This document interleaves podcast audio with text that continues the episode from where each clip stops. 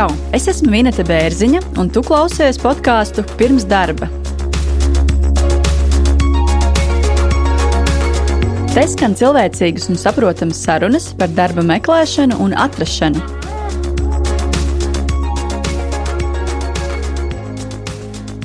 Šoreiz es sarunāšos ar Gintu Gaumalu. Viņa ir komunikācijas koča un pārmaiņu mediātore. Mūsu šodienas tēma būs nevardarbīga komunikācija personāla vadībā un personāla atlasē. Ar Gintu iepazinos LinkedIn. Viņa mani uzrunāja un gribēja teiksim, tā, pieteikties manā podkāstā. Ikvienam ir šāda iespēja. Un, jā, paldies, ka uzrakstīja.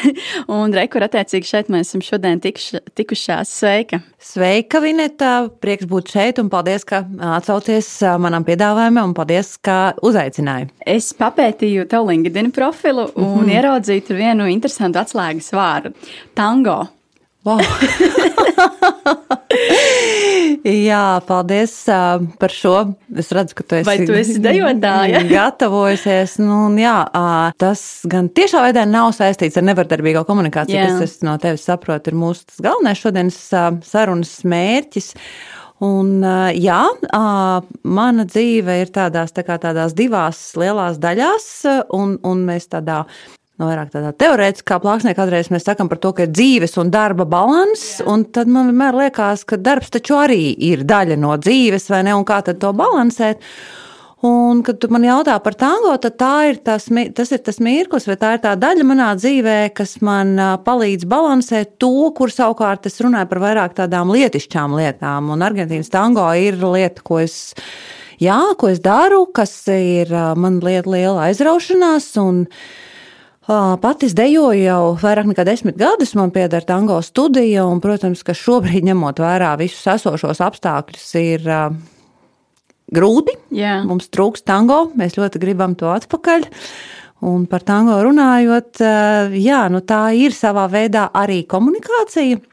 Ja, protams, ar tango ir saistīti ārkārtīgi daudz stereotipi un, un, dažna, dažā, un katram, kuram pasaka vārdu tango, nu, ir dažna dažāda, droši vien dažna dažādas Protams, tās bildes, jā, jā. kuras ir acu priekšā un citam tur ir tur skaistas dāmas un iznesīgi kungi un tā hūte un roza zobos, vai ne? Un tad vēl ir džezā tikai meitenes ar noslēgumu tur tā mainām par to, kā viņi dejo tango, vai ne? Un tur ir mundra tāda mūzika.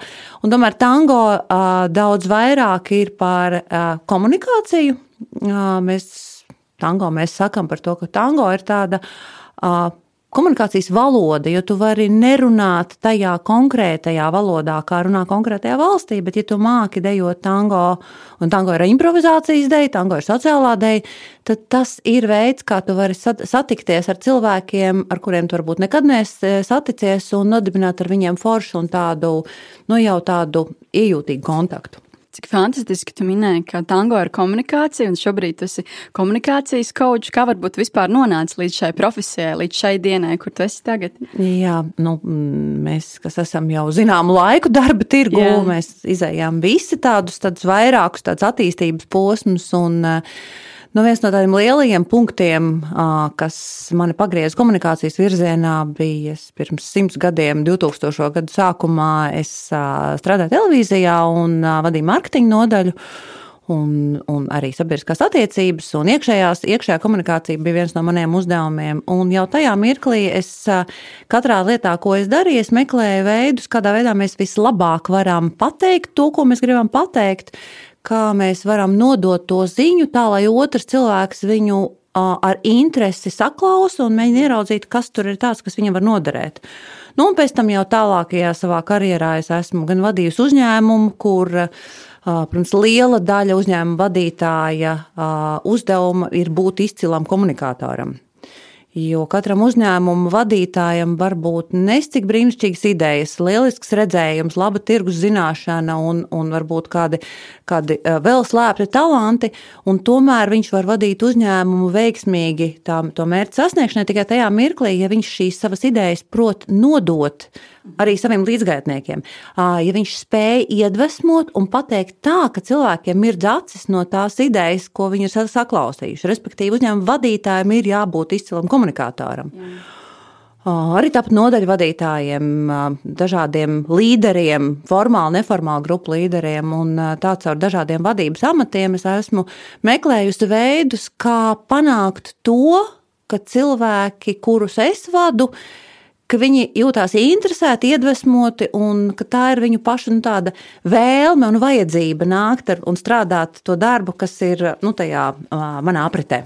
Un kurā brīdī tu no vadītājas nonāci par konsultantu un koču, kur esi šobrīd? Man likās, ka uh, man gribās kāpt tālāk karjerā, uh, man gribās darīt kaut ko vairāk. Un, kad es sev uzdevu jautājumu, kas ir tas vairāk, tad man šķita, ka es esmu par šiem gadiem ieguvusi gan akadēmisko izglītību, gan arī nu, dažādu plašu arī darba pieredzi, ka tās ir lietas, kuras var noderēt arī citiem. Jo tas ir veids arī, kā es pati mācos. Es vienmēr gribu sasniegt kaut ko, kas sākotnēji šķiet, ka vispār nav iespējams. Un daudzas lietas manā dzīvē tādas ir arī bijušas. Kā teica izglītības žurnāls Santa, īpašniece Santa Anča, ka viņi savu pirmo žurnālu izdeva, tāpēc, ka viņi nezināja, ka nav iespējams. Un es līdzīgi arī uz lietām pasaulē skatos. Un tajā brīdī, kad es skatos, kā citi cilvēki sasniedz savus mērķus, viņi man kalpo kā tāds nu, iedvesmas avots, kā tāds nu, paraugs, angļuiski šis role model. Jo pat tad, ja es vēl nezinu, kā to darīt, kā to var sasniegt, es redzu, ka ir cilvēki, kuriem tas izdodas, un tas ir pierādījums, ka tas ir iespējams. Un eh, tieši tāpat arī lietas, ko es esmu savā dzīvē dabūjis gatavs, man šķiet, eh, ka ir vērtīgi padalīties, un es arī redzu uh, savā apkārtnē cilvēkus, kuri, kuriem mans piemērs ir devis nu, tādu iedvesmu. Un tāpēc man šķiet, ka ir svarīgi dalīties. Un vienā brīdī es nu, izgāju no korporatīvās vides un uh, Faktiski nu jau pieci gadi es strādāju tikai kā konsultants, kā treneris un vādu apmācības gan komunikācijā, gan arī nu, dažādās citās ar to saistītās vadības prasmēs. Un saki, lūdzu, kas ir nevardarbīga komunikācija? Jo saprotu, ka tu šobrīd teiksim, strādā tieši ar šo jomu. Pastiprināti tie, varbūt, kuri nav dzirdējuši, nezina, kas tas ir. Jā, paldies, ka tu man uzdod šo jautājumu. Tad, tā mana sajūta ir tāda, ka šeit es varētu ne tikai pusstundu runāt, ne, bet es varētu runāt daudz un, un, un stāstīt piemērus. Un nevardarbīgā komunikācija, nu, latviešu bieži vien tas cilvēkiem griež auzīs, jo tas saistās nu, burtiski tiešā veidā, ar vardarbību. Latvijasiski šo nevardarbīgās komunikācijas filozofiju vai metodi bieži vien tulko arī, tulko arī kā cieņpilno, atbalstošo, cienošo komunikāciju, jo tas iztur ir iekšā.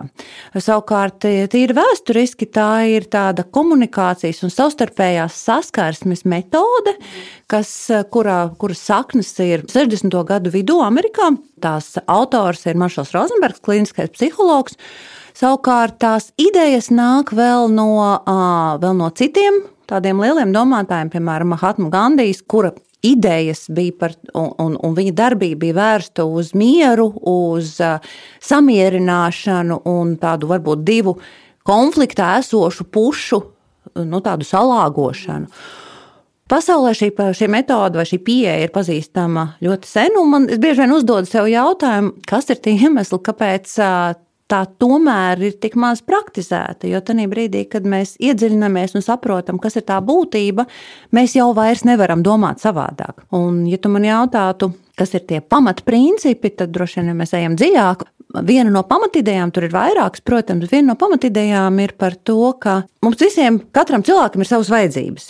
Un mēs šīs savas vajadzības, mēs darām visu iespējamo, lai šīs sev svarīgās vajadzības piepildītu katrs cilvēks būs gatavs otra labā kaut ko darīt, kad viņš būs drošs vai varēs būt drošs, kā arī viņa paša vajadzības tiks ņemtas vērā un nu, respektētas, piepildītas. Respektīvi, mēs runājam par tādu savstarpēju, viena, nu, tādu savstarpēju atbalstu, savstarpēju saklausīšanu, nu, tādu kopīgu mērķa risināšanu, vai mēs kopā skatāmies, kā es varu realizēt tavas vajadzības, un Tanī mirklī es to varu darīt daudz drošāk un daudz pārliecinātāk, tad, kad es zinu, ka tu ņemsi vērā arī manas vajadzības. Un tā ir viena no tām pamatidejām.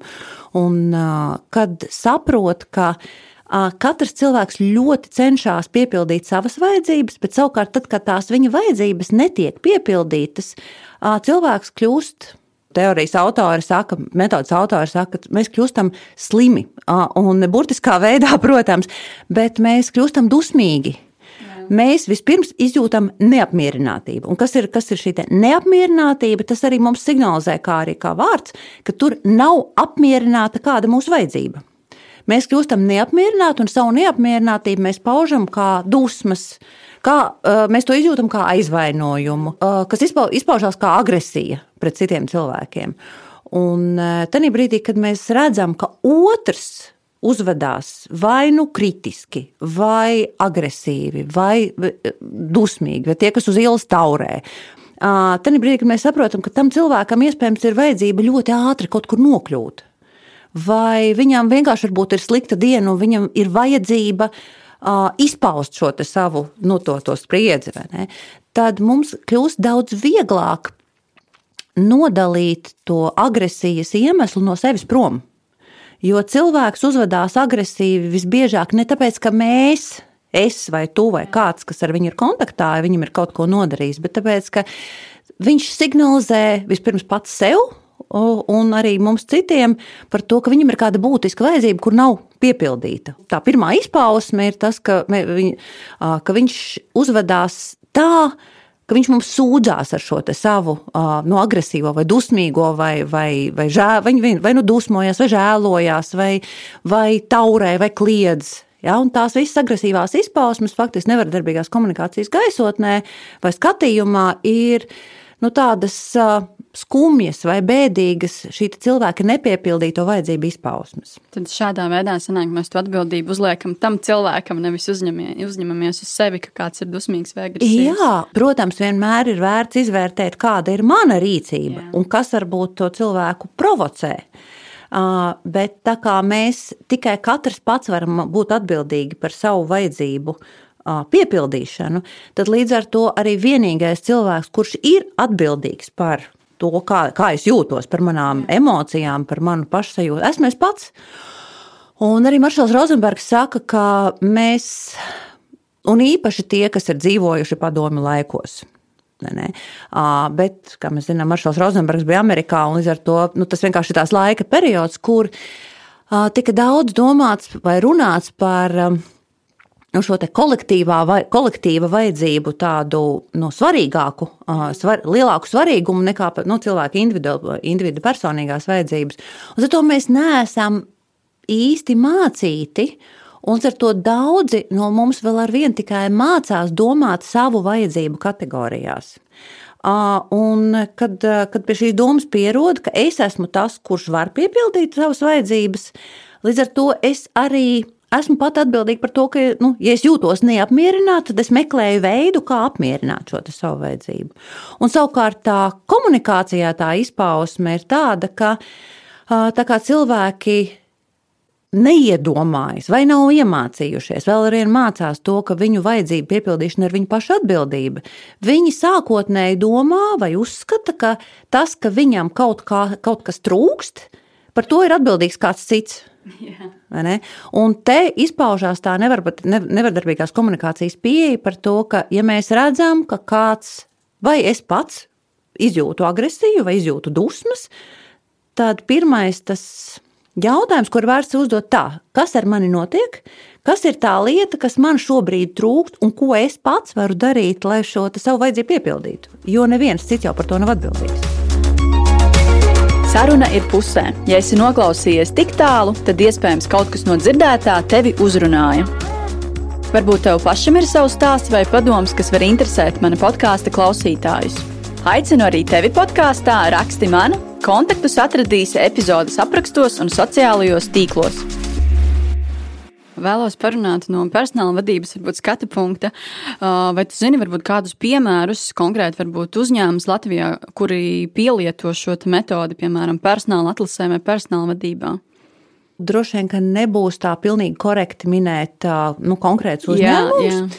Tāpat laikā uh, visi mēs, kas esam savulaik bijuši, vai nu kā personāla atlases uh, nu, tajā darbā pieņēmēju pusē, kā uzņēmuma vadītāji vai kā personāla vadītāji, esam sastapušies ar nu, tādu iespējami jaunā darbinieka neizpratni par to, ko tieši viņš var darīt labu mūsu uzņēmumam.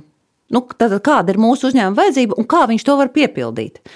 Un savukārt no darba ņēmēja viedokļa vai iespējamā vai pretendenta viedokļa Es pati kā vadītāja esmu sastapusies savulaik ar situācijām, kurā nu, potenciālais šis kandidāts atnāk un, un runā par to, kas ir tie viņa sasniegumi. Kad es viņiem jautāju, kas ir tas, ko tu vari, kas būs tas tavs pienesums mūsu uzņēmumā, kas ir tas tav, tavu pievienotā vērtība, kā tu vari nu, mums būt noderīgs tad es sastopu, esmu sastapusies ar situāciju, kur potenciālais darbinieks nav papūlējies noskaidrot, kas tieši mūsu uzņēmumam būs nepieciešams. Un līdz ar to mēs nevaram runāt par savstarpēju vajadzību piepildīšanu. Viņam vajag darbu, man vajag darbinieku. Un, ja mēs nezinām, ja darbinieks, kurš šajā brīdī ir ieinteresēts nākt pie mums strādāt, ja viņš nezina, kas uzņēmumā ir vajadzīgs, vai kas ir tas, ar ko viņš var būt noderīgs, tad man ir grūti ieraudzīt, kā, nu, kas, būs viņa, kas būs tā viņa vērtība. Un savukārt no darbinieka vai potenciāla darbinieka viedokļa, ja mēs neizmantojam šo nevardarbīgās komunikācijas pieeju, tad nu, nākās sastapties. Nu, jā, nu, tur jau viss ir stulbi, vai ne? Viņa nepamanīja, cik es esmu brīnišķīgs.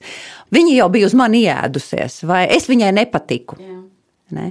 Bet, ja mēs atceramies, ka katrs cilvēks ir otrā labā gatavs kaut ko darīt, ja viņš, var, ja viņš zina vai var būt drošs par to, ka nu, arī viņa vajadzības tiks piepildītas. Līdz ar to arī no mana viedokļa, kā no uzņēmuma vadītājas viedokļa, man ir ļoti svarīgi atrast to, nu, to līdzsvaru. Es gribu saprast, kas ir tas, ko tu vari darīt uzņēmuma labā. Nu, Tavs stāstītājs saprot, ka Latvijā ir tādi uzņēmumi, varbūt kādu nozari vari minēt, lai nu, teiksim, tā ir kaut neliela vīzija, kur, kur vispār tas notiek, jo man, ja godīgi, nav nejausmas. Jā. Nu, es varu pastāstīt no savas pieredzes. Es esmu daudz strādājusi ārzemju kapitāla uzņēmumos. Ir dažādas ļoti, ļoti tās pieejas, un no darba devējs vienmēr ir mazliet tādā tā kā vairāk spēka pozīcijā. Jā. Es varu pieņemt, un es varu nepieņemt šo darbinieku. Es varu uh, pateikt, ka mums būs ļoti stingri noteikumi vai varbūt netik forši darba apstākļi. Un kamēr man ir darbinieku vai interesantu pārprodukcija, es varu diezgan drastiski izturēties pret saviem darbiniekiem, ne, jo aizies šis atnāks cits.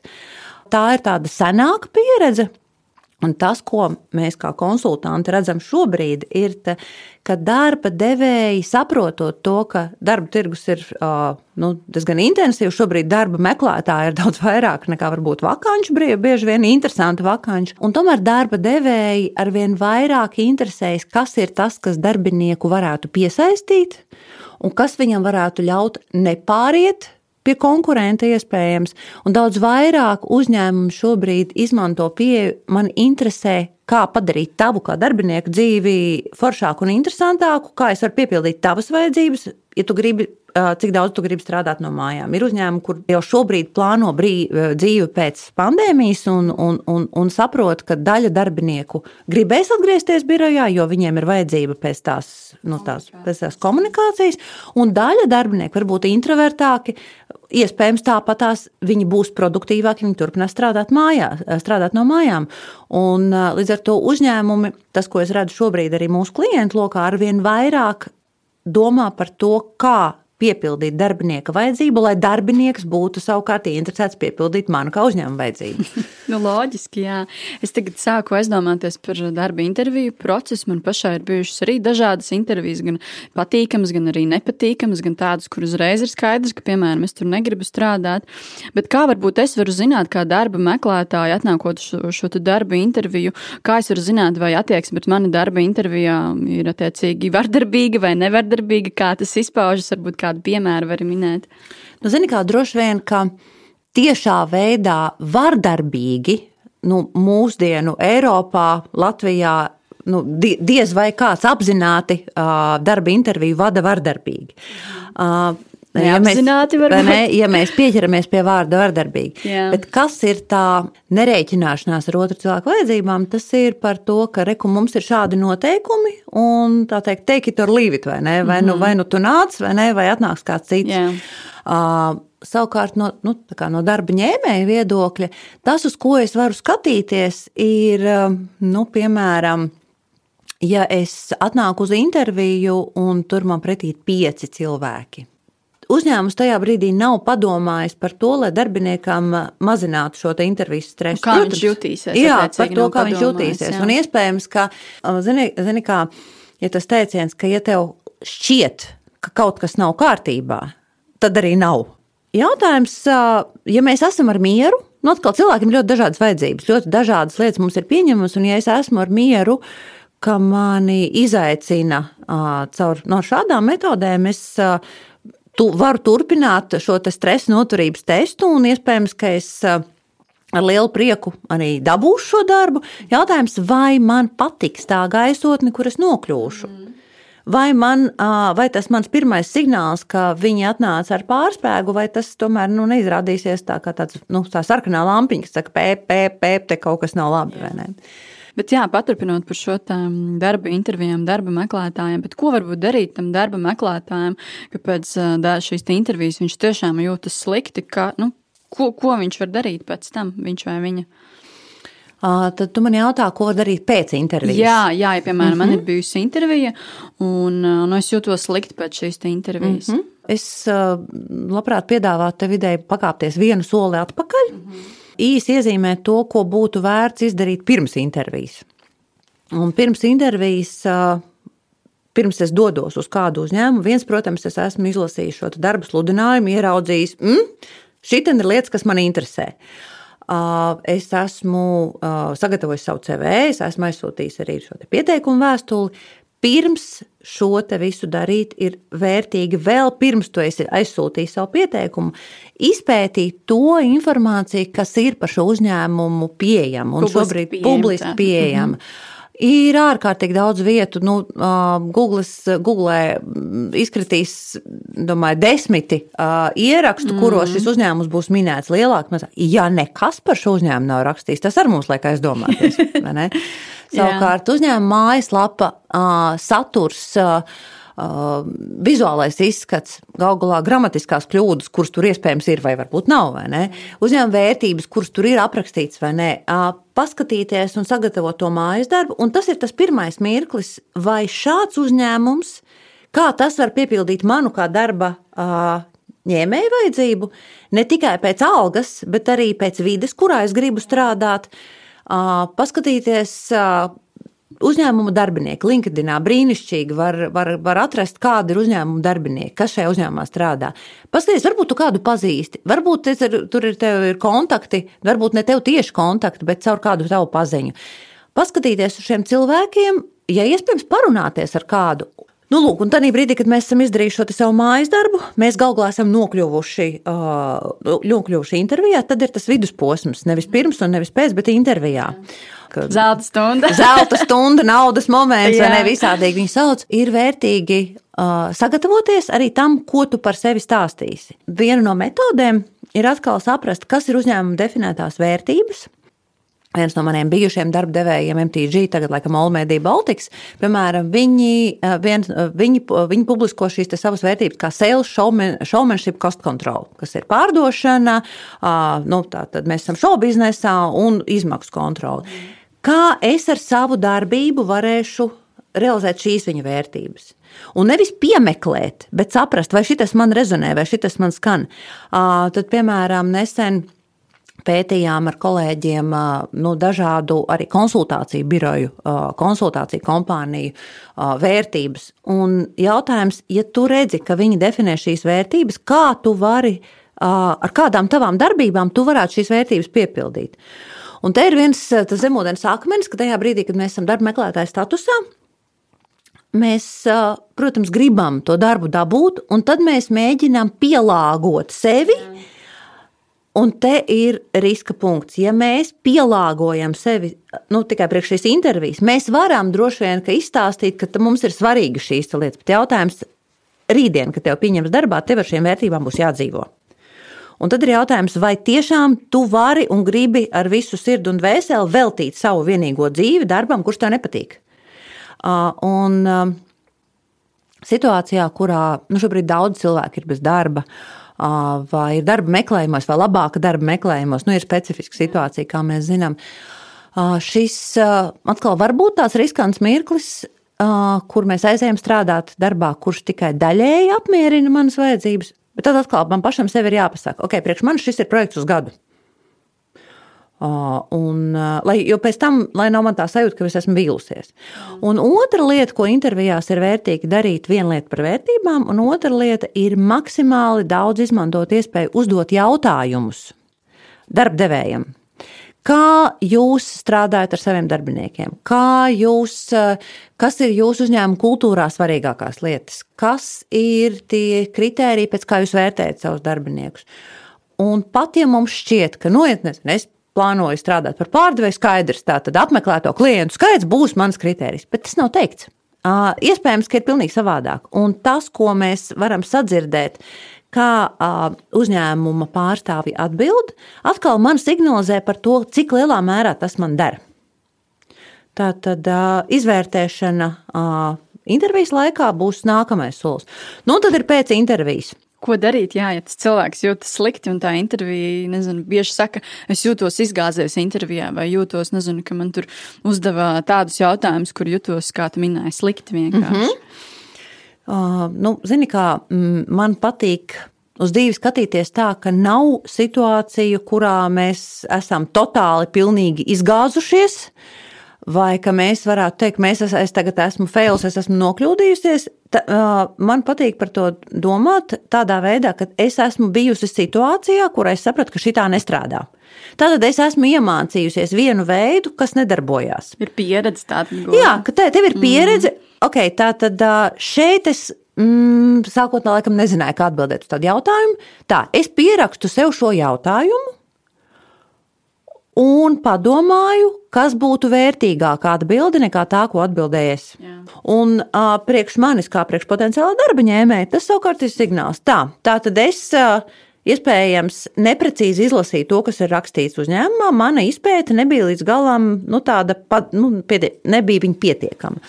Uh, tas nozīmē, ka nākamreiz mana sajūta man saka, ka man ir jāizdara labāk savs mājas darbs, man ir labāk jāizpēta, un varbūt es patiesībā nemaz negribu tur iet strādāt. Vai ne?